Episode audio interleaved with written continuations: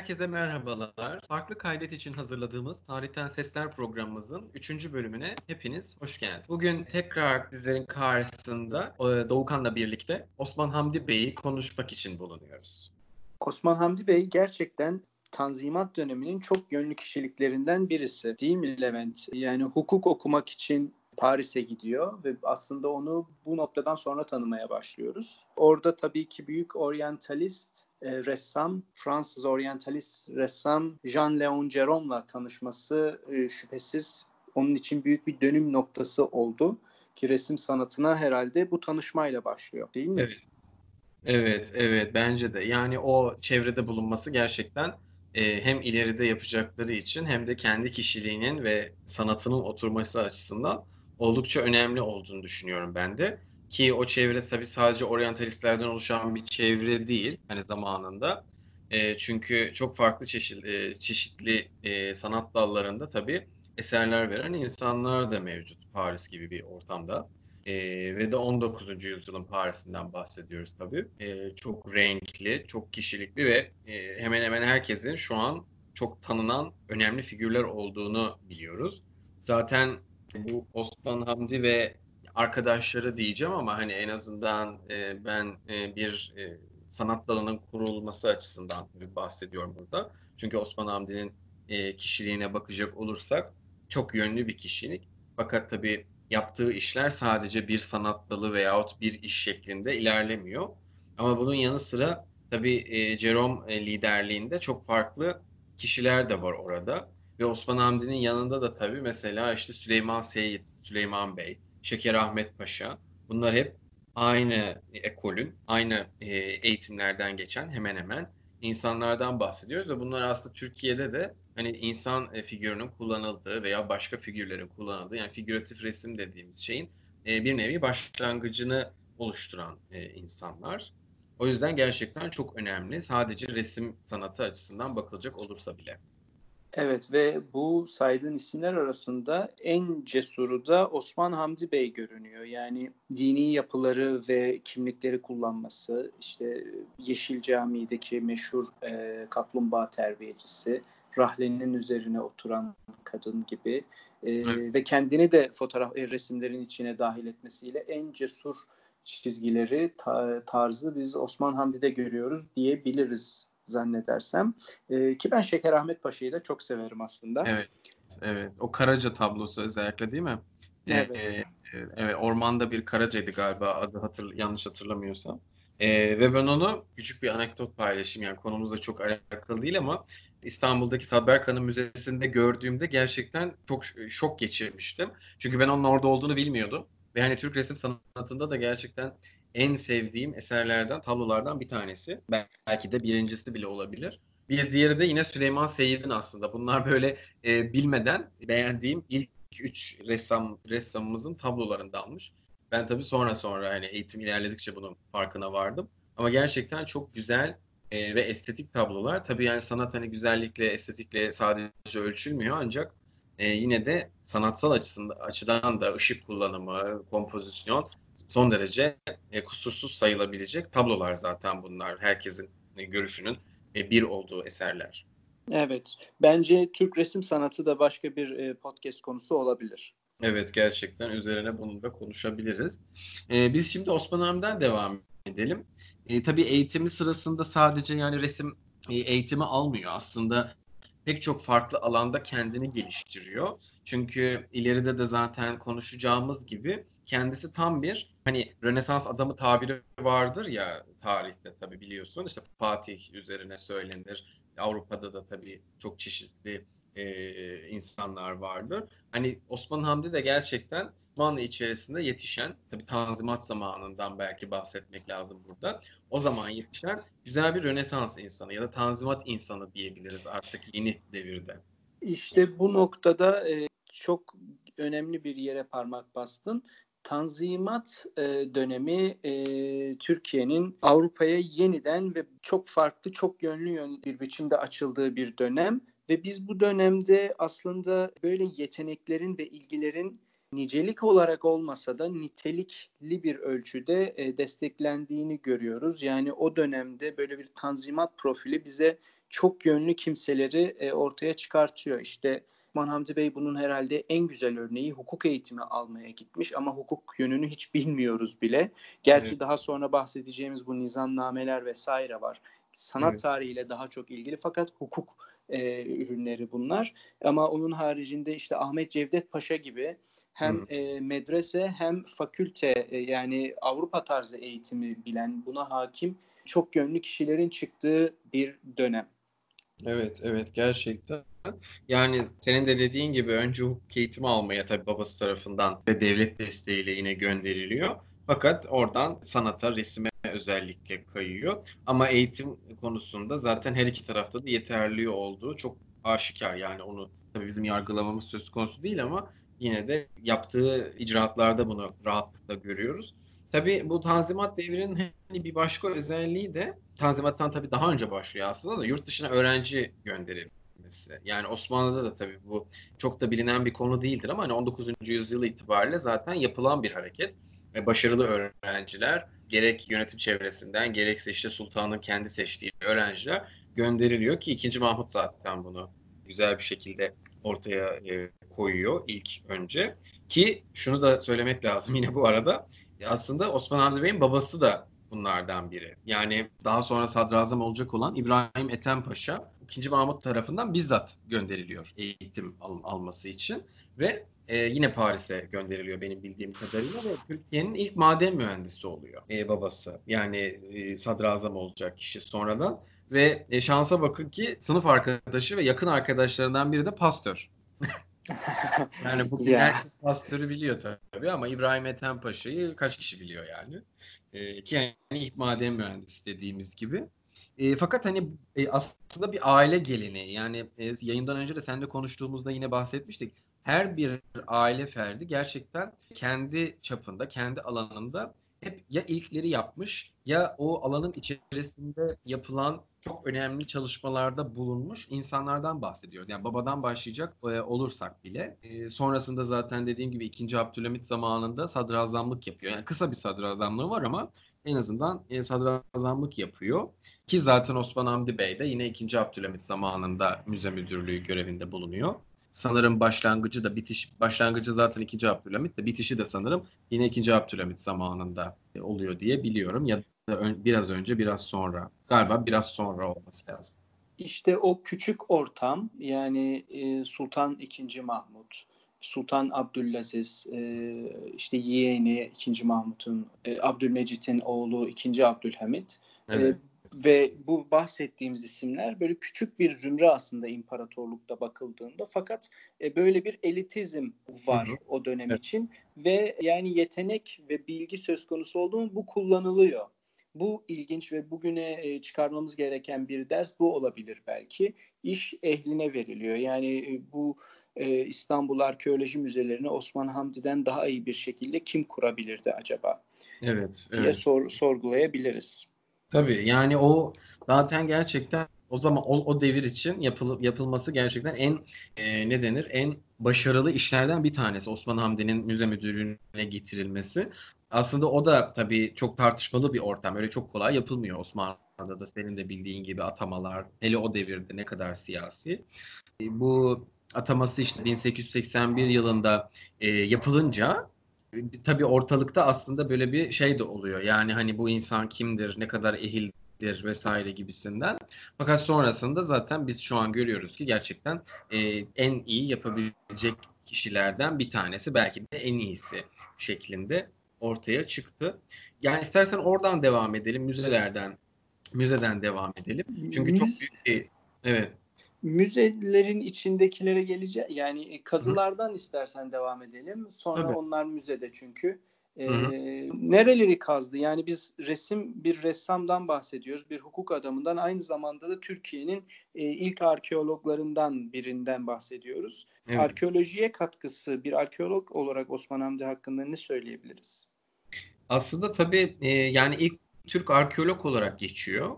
Onun öncesinde hani e, bilimsel olarak ve resmi olarak kazı yapan kimsenin olmadığını biliyoruz. En azından hani kaynaklara göre şu an elimizde ulaşan belgelere göre ilk Türk arkeolog olarak geçiyor.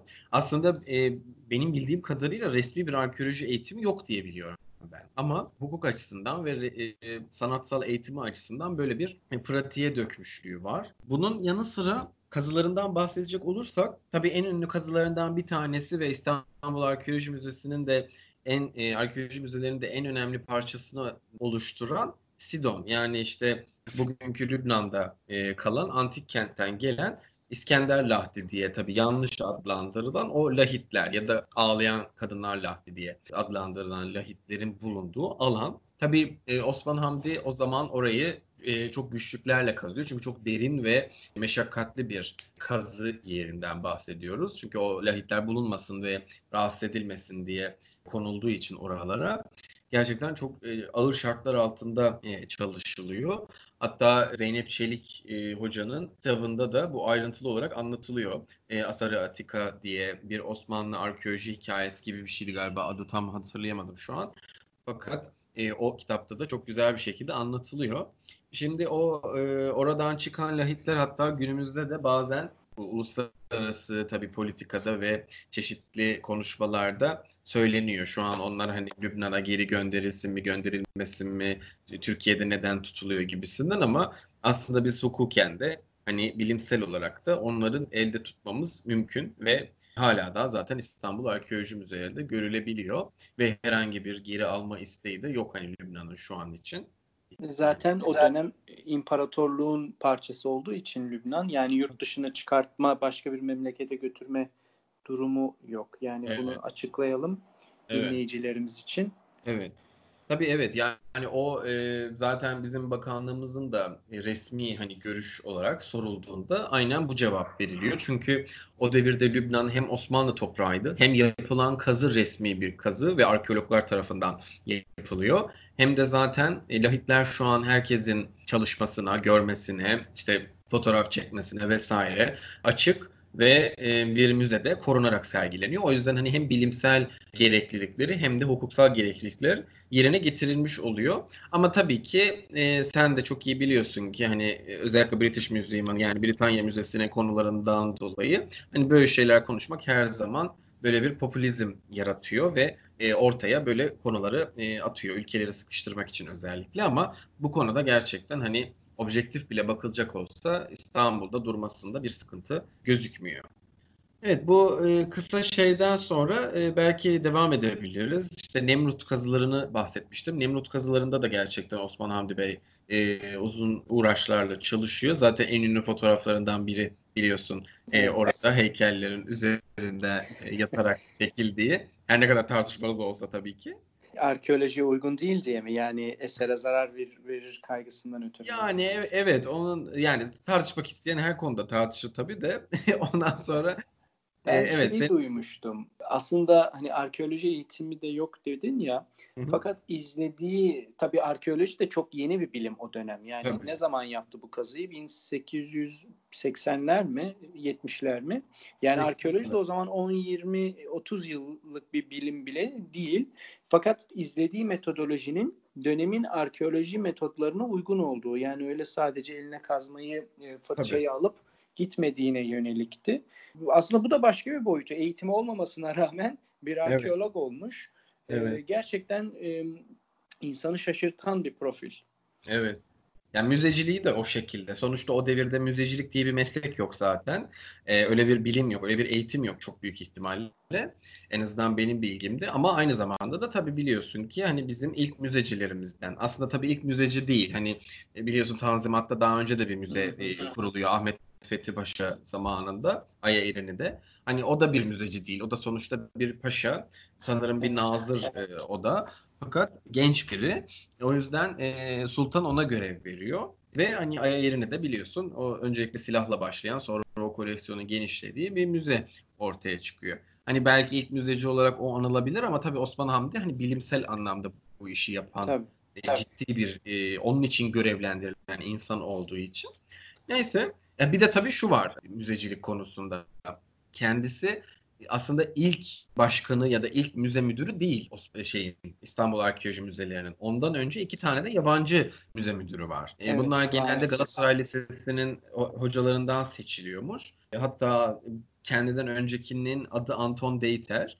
E, o zaten 1881'de ölüyor. İşte onun yerine geçiyor müzeye ve bayağı da orada kalıyor 29 yıl işte. 29 yıl müze müdürlüğü yapıyor. Sonra da zaten biliyorsun kardeşi yerine geçiyor. Evet. evet. Bir de tiyatro yazmış biliyor musun? Ha, onu bilmiyordum. E, ismine ismine ulaşamadım. Fakat bir de tiyatro yazmış. Yani gerçekten kazıdıkça, dideledikçe ortaya yeni şeyler çıkıyor. Osman Hamdi Bey ile ilgili sürekli şaşırtıyor.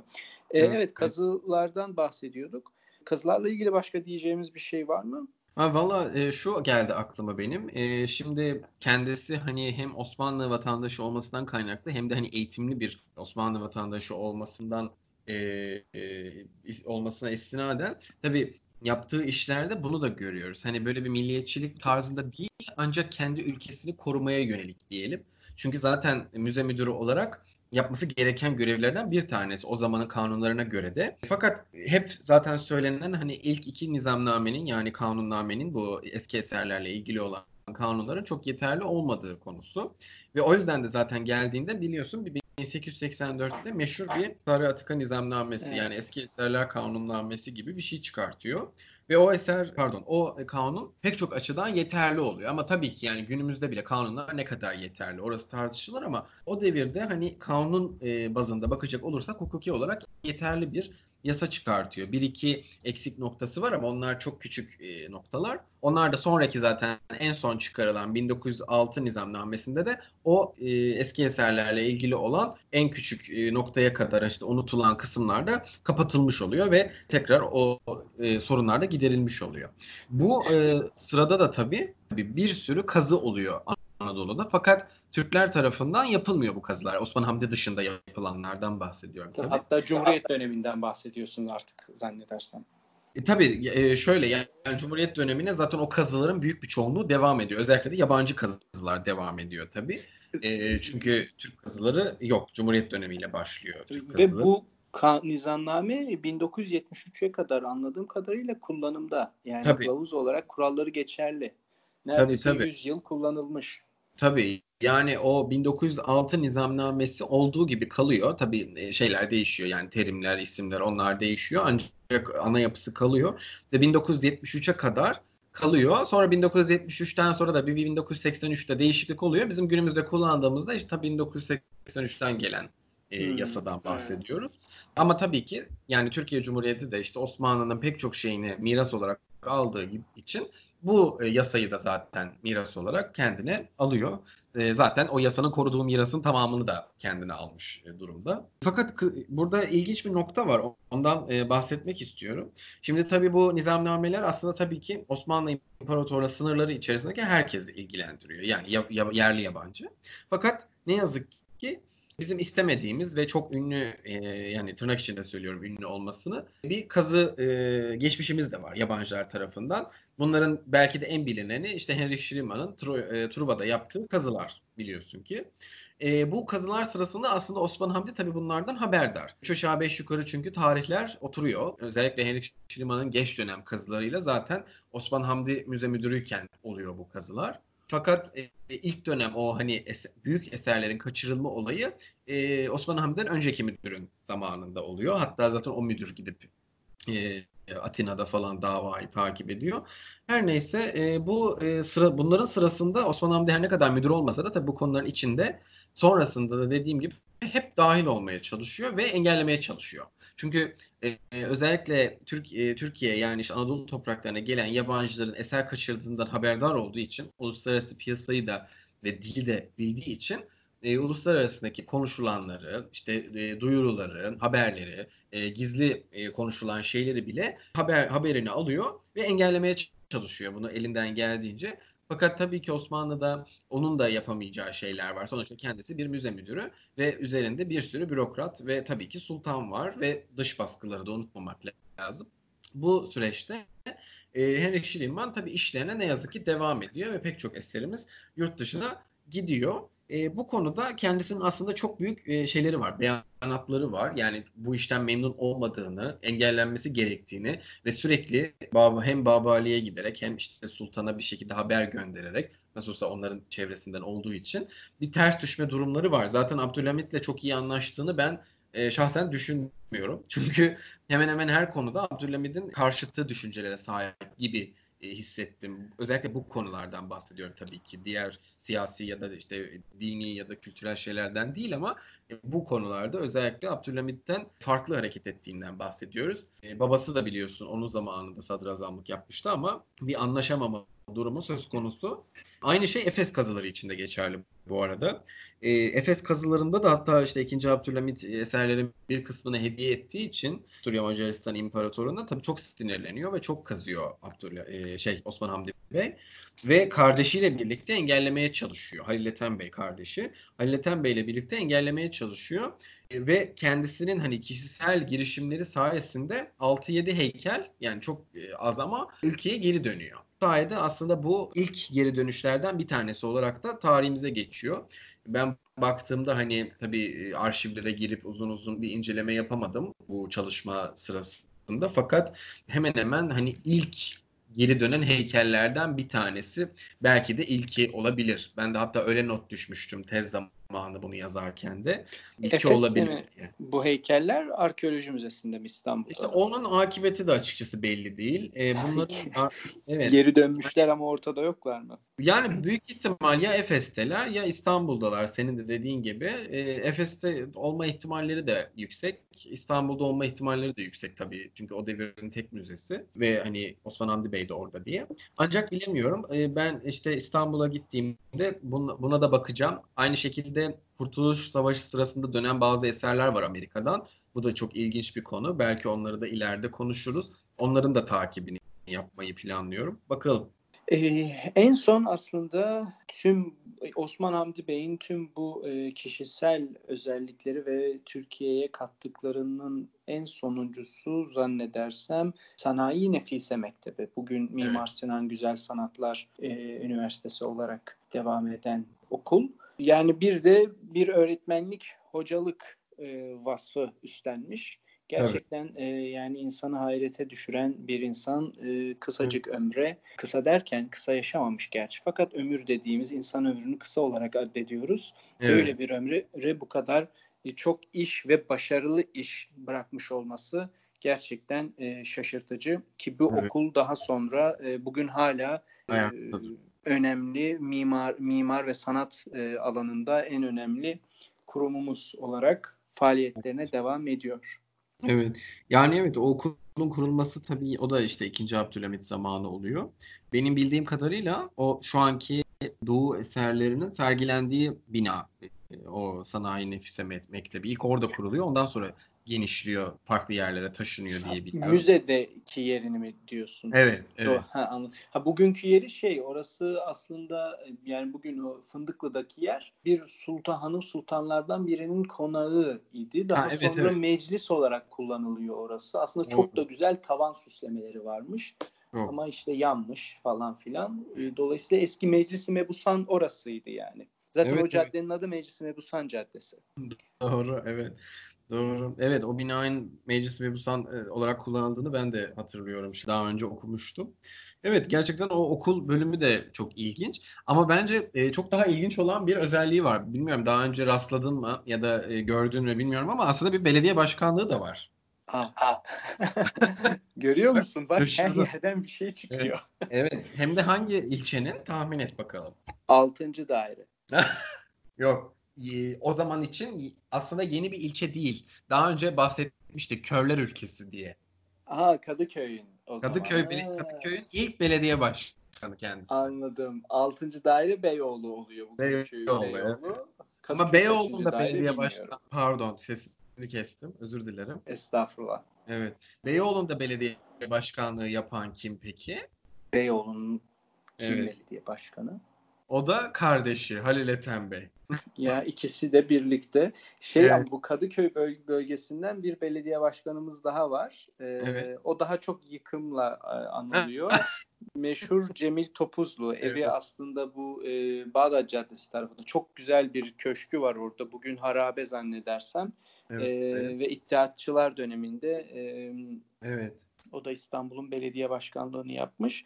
Demek Evet. kardeşi de Beyoğlu'nun 6. dairenin belediye başkanı. Yani kardeşi de evet. çok ilginç bir kişi. Tabii çok ilginç. Ve Evet. o aile ilginç, e, önemli çalışmalar yapmaya devam ediyor aslında. E, Sedat e, Halil Ethem, Evet. Eldem, oğlu, torunu, önemli mimarlar. Bu İstanbul Üniversitesi'nin Edebiyat Fakültesi, Evet. Sedat Hakkı Eldem'in bir yapısı. Hatta şeydeki de su kemerine gelmeden önce şu an orası sigorta mı hala bilmiyorum da orada sağda bir yapı vardır ya böyle Evet, Ee, Sosyal şey- Güvenlik şey- Kurumu'nun binası. sosyal güvenlik kurumu. Onun da zaten mimarı o diye biliyorum. Onun mimarın olduğunu bilmiyordum. Fakat önemli bir cumhuriyet yapısı olarak gösteriliyordu. Bence çok çirkin bir bina. Bunu da buradan kendi düşüncemi Yani şu an- ifade edeyim. Şu an tabii evet bakımsız olduğu için özellikle de alt kısımları yani çatısı değil. Çünkü zaten biliyorsun onun binaları çatıdan e, hemen anlaşılıyor. Bizim Koç Üniversitesi'nin de mimarı e, oradan esinlendiğini söylemişti. Bizim e, çatı yapılarını. E, fakat binanın altı gerçekten neredeyse kullanılmayacak. Hani harabe niteliğinde gibi. Ama kullanılıyor tabii. Hadi dedikoduya devam edelim o zaman. Ee, şey İstanbul Üniversitesi Edebiyat Fakültesi'nin de baca sorunu varmış. Şimdi yoktur tabii ki artık doğalgazla ısınıyordur Evet. da bu ilk yapıldığında e, baca geri tepmiş. Hep okulun koridorları duman olmuş. Hatta Oh. Semavi İyice de merhum e, ondan şikayet ediyordu. Bizi böyle binaya koydu gibi. Osman Hamdi'nin bu tabii belediye başkanlığı çok kısa sürüyor. Yani böyle ilk belediye başkanı Kadıköy'ün ama 1879'da yapıyor belediye başkanlığını. Sanırım aynı yıl siyasi baskılarla istifası isteniyor ya da ayrılıyor bir şekilde. Öyle bir durumda söz konusu. Ve ben bunu Kadıköy Belediyesi'nin sitesinde gördüm. Hani yazıyor orada. Fakat Beyoğlu'nun sitesine girdim. Belediye başkanlarımız diye bak baktım. Orada şeyi göremedim. Halil Ethem Bey'i göremedim. Ama ben daha önce Beyoğlu Belediye Başkanlığı yaptığını bir yerde okumuştum yani hatırlıyordum. Hatta o da abisinden daha önce yani 77-78'de o da bir, bir yıllık belediye başkanlığı yapıyor. Ama bu bilgiler tabii hani sadece Beyoğlu kısmı teyide muhtaç gibi duruyor benim bildiğim kadarıyla ama Kadıköy yazıyor zaten belediyenin sitesinde yazıyor. Tabii Yani kardeş de bilmiyorum. gerçekten. Evet. Buyur lütfen lütfen. Kardeşi de gerçekten çok ilginç bir insan. Belki kapatırken biraz da ondan bahsederiz. Evet olabilir. Ee, o da şey diyecektim ben hani bir yıl iki yıllık bir belediye başkanlığıysa belki seçimle değil de bir atanmayla olmuş olabilir. Tabii bilmiyorum bunu ama Evet. hani bir yıllık bir belediye başkanıysa orada özel bir durum vardır. Belki o yüzden kayıtlara geçmemiştir. Evet, Evet. bunu böyle açık bırakalım. Çünkü ben de bilmiyorum. Evet kardeşinden bahsedelim. Kardeşi de matematiğe ilgili değil mi? O öbür kardeşi aslında. İki tane iki tane kardeş var. Numizmat, numizmat olan, Türkiye'nin ilk numizmatı olan İsmail Galip Bey. Ee, o da e, aynı aileden. Bu en küçükleri diye hatırlıyorum. E, üç, bu bahsettiğimiz üç kardeşten. Fakat o erken yaşta vefat ediyor. Osman Hamdi'den e, Osman Hamdi'den ne kadar sonra ne kadar önce hatırlamıyorum şu an. Ancak o erken yaşta vefat ettiğini hatırlıyorum. E, numizmat, senin de dediğin gibi yani para bilimci ve Türkiye'nin ilk para bilimcisi hani bilimsel anlamda. Özellikle de İslami sikkeler üzerine uzman ki o devirde biliyorsun İslamik eser İslamik eserler çok da fazla e, tarihi eser olarak adlandırılmıyor ve bu koruma yasalarının içine pek girmiyor biliyorsun ki. Yani e, İslam öncesi eserler daha çok tarihi eser olarak görülüyor. Bu da aslında ayrı bir konu. İşte bu belki şey bize şunu söyleyebilir. Yani eski İslam eserlerinin hala yaşadığı, var olduğu yani hala mevcut kültürün içerisinde görüldüğü için böyle bir e, antik değere tabi olmamasını düşündürebilir bizlere. Ama e, işte yani o eski antik heykeller, e, antik Yunan Roma heykelleri bugün e, herkes için o dönemde herkes için tarihi eser olduğundan belki böyle bir bakış açısı getirebiliriz. Evet, evet kardeşinin de müze müdürlüğü var diye hatırlıyorum. Hı. Öyle bir şeyden bahsettik zaten değil mi? Evet. Evet o da işte kendisinden sonra gelen müze müdürü Halil Ethem Bey. Bu öbür kardeş tabii ondan bahsediyoruz. Ee, aslında Halil Ethem Bey'in de İslami eserler üzerine uzmanlığı var. Hatta zaten bugünkü bugünkü müzeyin de İslami eserler ve Türk ve İslam eserleri müzesi. Adını unuttum bir an müzenin. Türk ve İslam Eserleri Müzesi'nin kurucusu kendisi Halil Ethem Bey. Ki o devir için aslında bu önemli bir adım. Çünkü e, biraz önce de bahsettiğimiz nedenden dolayı yani o devirde çok fazla e, müzelik eser olarak görülmüyor İslamik eserler ama 1906 yasasıyla bunlar da e, tarihi eser olarak adlandırılıyor ve koruma altına alınıyor. Çünkü hem Osman Hamdi Bey hem Halil Ethem Bey aslında bunun için çalışıyorlar. Özellikle de Anadolu'daki eserleri gidip gördükçe. Çünkü İstanbul'da eserler senin de bildiğin gibi belli yere kadar korunabiliyor. Çünkü göz önündeler. Ancak Anadolu'daki eserler özellikle camilerde, işte e, tekkelerde, zaviyelerde neyse işte nerelerdeyse o eserler korunması çok daha sorunlu oluyor. Çünkü daha az e, kaynak var, daha az bilinç var. O yüzden özellikle Halil Ethem Bey mesela gidiyor bütün köylere, kazalara neyse bunları fotoğraflayabildiklerini fotoğraflıyor, e, çiz, çizebildiklerini çiziyor. Ondan sonra ayrıntılı olarak bilgilerini yazıyor. Diyor ki e, bu eserleri böyle kataloglamamız sebebi ileride kaybolurlarsa bulunmaları daha kolay olsun.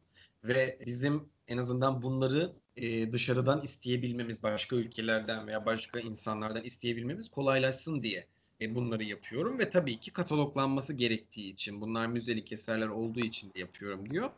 Aslında bu çok önemli bir bilinç ve çok önemli bir e, ne denir algı değişimi e, özellikle Osmanlı'nın hani imparatorluk algısı açısından çünkü kendisi de müze müdürü olduğu için bu resmi bir görüş oluyor. Bu gerçekten çok önemli ve günümüzde bile çok oldukça yer tutan bir görüş. Çünkü herhangi bir eser bir koleksiyondan kaybolduğunda öncelikle fotoğrafının olması gerekiyor ki siz onu arayabilin, bulabilin ve kanıtlayabilin sizde olduğunu. Ki o devirde bile 19. yüzyılın sonundan işte 20. yüzyılın başından bahsediyoruz. Bu bilgiler hemen hemen yeni tarz bilgiler. O yüzden evet. de çok önemli olduğunu düşünüyorum. Gerçekten e, çok yani kayıt altına alma zaten bu işin ilk kuralı. İkincisi gerçekten büyük bir ileri görüşlülük. Zira mesela birkaç yıl önce belki bir beş yıl önce Kültür Bakanlığı ile Louvre Müzesi arasında ki bu e, panolar, Çin'i panoların tartışması çıktığında Louvre Müzesi'nin verdiği cevap şuydu e, hayır bu eserler e, çalıntı değil çünkü bizim kataloğumuzda kayıtlı. Evet, evet. Yani, yani bu hiçbir şey ispat etmiyor fakat bizim kataloğumuzda kayıtlı. Dolayısıyla bizim bizde envanterde gözüküyor demişlerdi. Aslında ben birazcık e, absürt bir cevap olarak görüyorum bunu. Fakat dediğin gibi hani biz de gösterebilseydik bak bizim de müze kataloğumuzda var. Gerçi Doğru. onlar e, müzeden değil e, Ayasofya'daki bu zannedersem 2. Selim'in türbesinden e, evet, alınan panolar. Dolayısıyla evet. müzede değildi ama böyle bir kayıt tutma geleneği daha da ilerlemiş olsaydı biz de onu gösterebilirdik. Aa bak bizim de müze kataloğumuzda evet. var. Tabii.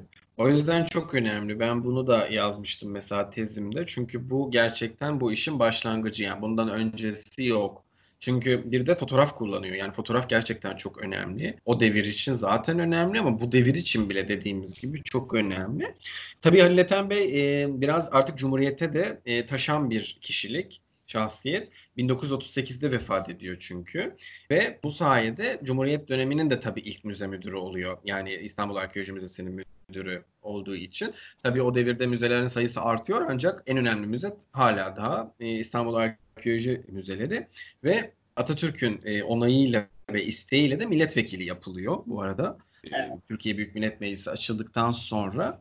E, tabii milletvekilliği yani onun için e, ne kadar değişiklik yaratmıştır orası ayrı konu ama e, bu e, işlerde çalışmaya devam ediyor. Hem müze müdürlüğü devam ediyor hem de bunun yanı sıra mesela Türk Tarih Kurumu'nun kurucu üyesi oluyor. Ondan sonra genel kurmayda harita bölümünde uzun zaman çalışıyor. Çünkü coğrafyayı çok iyi biliyor. E, her yere giriyor, çıkıyor. Tabii dil bilgisi de var. O da ayrı konu vesaire. Bunlar çok önemli şeyler. Bu arada e, bu sayede jeoloji bilgisini de kullanabiliyor. Onu söylemeyi unuttum başta. Aslında çok e, önemli bir jeolog kendisi. Öyle olduğunu okudum.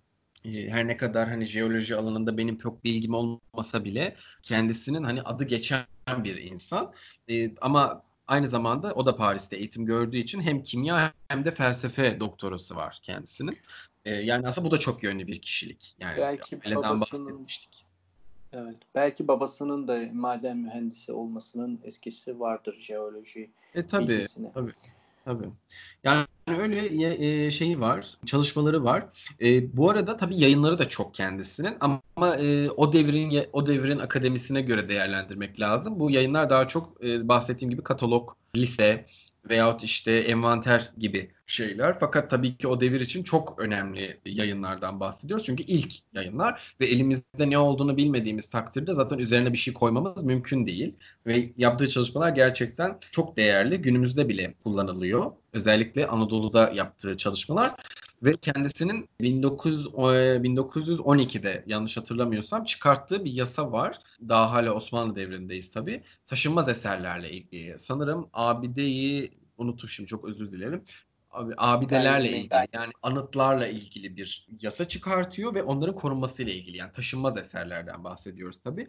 Bunların korunmasıyla ilgili. Çünkü taşınmaz eserleri bir müzeye alıp koruyamayacağımız için mantıken e, bunların yerinde korunması gerekiyor ve gerçekten bu da devir e, o dev, o devir için çok ileri görüşlü bir karar. E, tabii ki Avrupa'nın bazı ülkelerinde bunların örneklerini görüyoruz yani Fransa gibi, İngiltere gibi ama o devirin Osmanlısı için hele yani Türkiye'si için de yani Cumhuriyet için de gerçekten neredeyse bu, bu kararlar 100 yıl öncesinin kararları gibi görülüyor. Çünkü bizim günümüzde bile e, sen de çok iyi e, biliyorsun ki taşınmaz eserlerle de taşınır eserlerle ilgili çok büyük sıkıntılarımız ve koruma sorunlarımız var.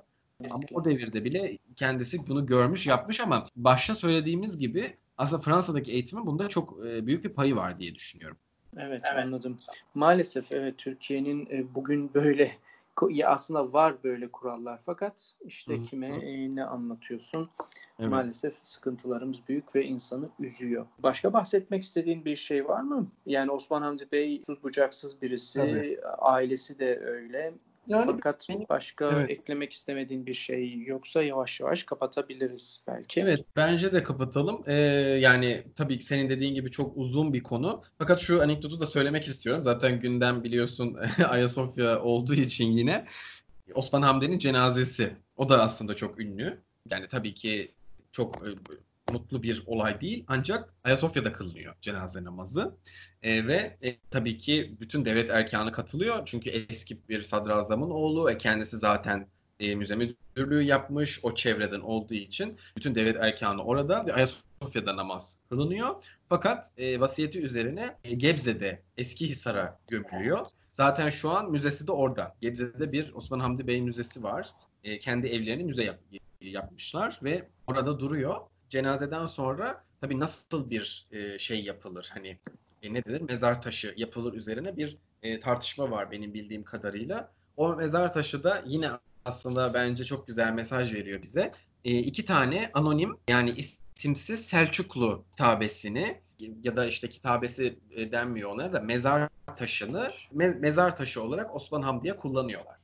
Yani benim Ha. bildiğim kadarıyla onlar tarihsel mezar taşları ama isimsiz yani anonim şeyler yazıyor üzerinde E, ya da herkese yazılabilecek hani o dualar bir şeyler yazıyor diye hatırlıyorum. Ondan sonra bakarsan hala öyle yani internetten e, iz- dinleyicilerimiz de bakabilir. Gerçekten hiç şaşasız hani ki Osman Hamdi gibi önemli bir şahıs ve zenginlikleri de zaten biliniyor. Yani çünkü hal, halleri vakitleri. O yüzden çok daha e, devasa şeyler yapılabilecekken böyle iki tane güzel ve çok önemli bize de mesaj veren e, mezar taşı konuyor.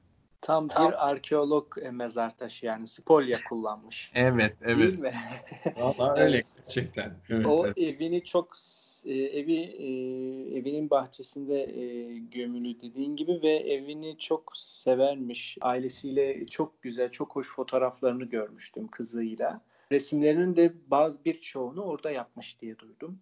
Ama Evet. hani hangi resimlerini orada yaptığını açıkçası bilmiyorum. Aslında hiç gidip de ziyaret etmedim. Bir gün ziyaret etmek lazım. Belki beraber gideriz Levent. Oradan Evet, inşallah beraber yaparız. Gidelim. Evet inşallah beraber gidelim. Ben de görmedim. Çok güzel olur. Evet, belki dinleyicilerimiz de bize katılırlar ama Evet. e, bugünlük konuşmamızın sonuna geldik. Evet çok teşekkür ediyoruz herkese. Sana da çok Teşekkürler. Ben de teşekkür ediyorum dinlediğiniz için. E, bir sonraki konuşmada görüşmek üzere.